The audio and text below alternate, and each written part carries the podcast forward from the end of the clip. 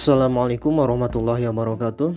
Kembali lagi bersama saya M. Sandi Abdul Aziz di channel Sanscast Di sini saya akan menjawab beberapa pertanyaan mengenai rancangan percobaan.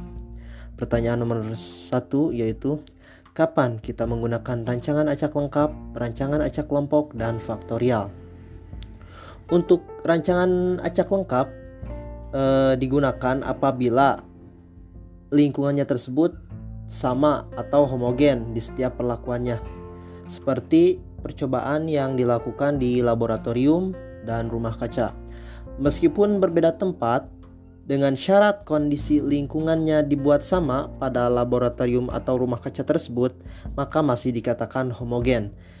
Tapi sebaliknya, apabila peneliti membuat lingkungan percobaan yang berbeda antar unit percobaan, walaupun di tempat yang sama maka tidak disebut homogen. Misal, e, masih dalam satu tempat namun ada unit percobaan yang berada pada lahan dengan kemiringan yang berbeda.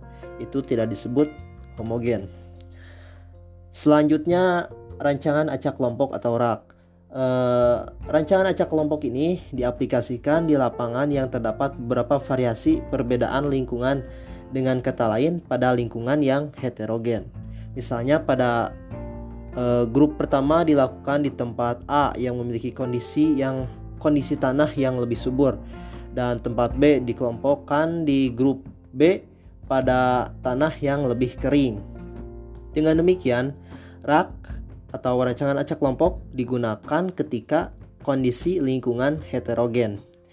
Sedangkan untuk faktorial di sini bukan merupakan rancangan, melainkan susunan perlakuan dan perlakuannya dimodifikasi. Terdapat uh, RAL rancangan acak lengkap faktorial dan rancangan acak kelompok faktorial.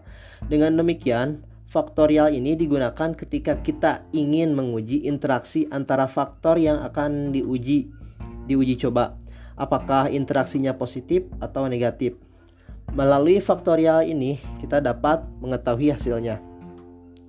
Uh, dalam modifikasi perlakuannya uh, faktorial harus lebih dari satu faktor yang akan diujikan. Misalnya faktor A adalah jarak tanam dan faktor B-nya adalah dosis pupuk sehingga dapat mengestimasi adanya interaksi antara faktor A dengan faktor B. Perbedaan RAL faktorial dan RAK faktorial adalah RAL faktorial eh, satuan percobaannya itu relatif seragam sehingga tidak perlu adanya pengelompokan. Sedangkan rak faktorial dipilih apabila satuan percobaannya yang digunakan tidak seragam sehingga perlu pengelompokan.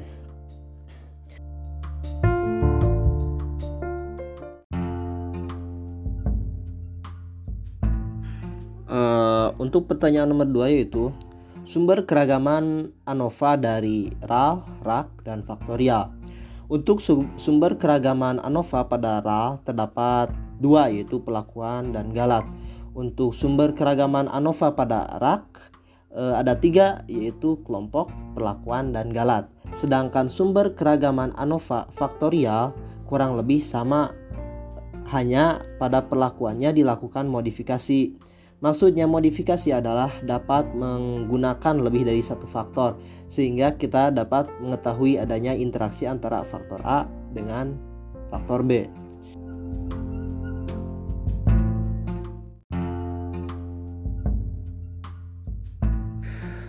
Uh, untuk pertanyaan nomor 3, apa kelebihan dan kekurangan antara RAL, RAK, dan faktorial? Untuk RAL sendiri, Kelebihannya antara lain satu, Rancangan percobaannya itu lebih mudah, sederhana, dan fleksibel. Dua, Apabila jumlah perlakuannya hanya sedikit, maka DB galatnya juga kecil. Tiga, Terdapat alternatif analisis non-parametrik yang sesuai. Empat, Permasalahan data hilang dapat mudah ditangani. Dan kelima, tidak memerlukan tingkat pemahaman yang tinggi mengenai bahan percobaan. Sedangkan untuk kekurangan RAL sendiri, antara lain satu terkadang tidak efisien dua tingkat ketepatan e, mungkin tidak terlalu memuaskan kecuali untuk percobaan yang benar-benar homogen Ketiga, pengulangan percobaan yang sama mungkin tidak konsisten apabila satuan percobaannya tidak benar-benar homogen, terutama apabila jumlah ulangannya sedikit. Untuk krak, eh, kelebihannya antara lain lebih efisien dan akurat dibandingkan dengan RAL. 2. Lebih fleksibel. 3.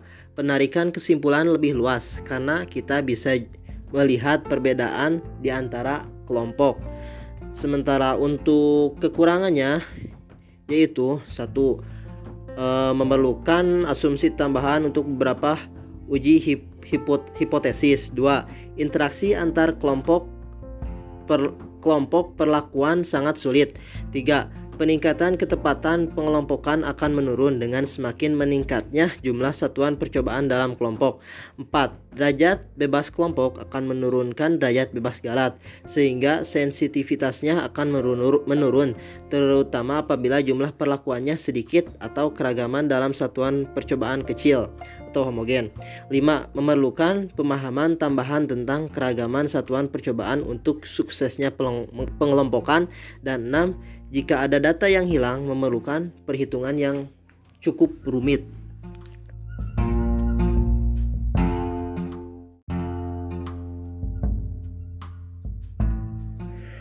Untuk faktorial, kelebihannya antara lain satu, lebih efisien dalam menggunakan sumber-sumber yang ada.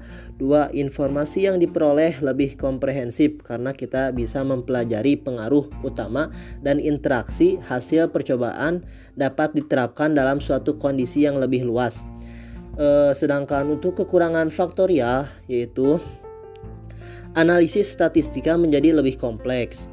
Terdapat kesulitan dalam menyediakan satuan percobaan yang relatif homogen dan pengaruh dari kombinasi pelakuan tertentu mungkin tidak berarti apa-apa sehingga terjadi pemborosan sumber daya yang ada.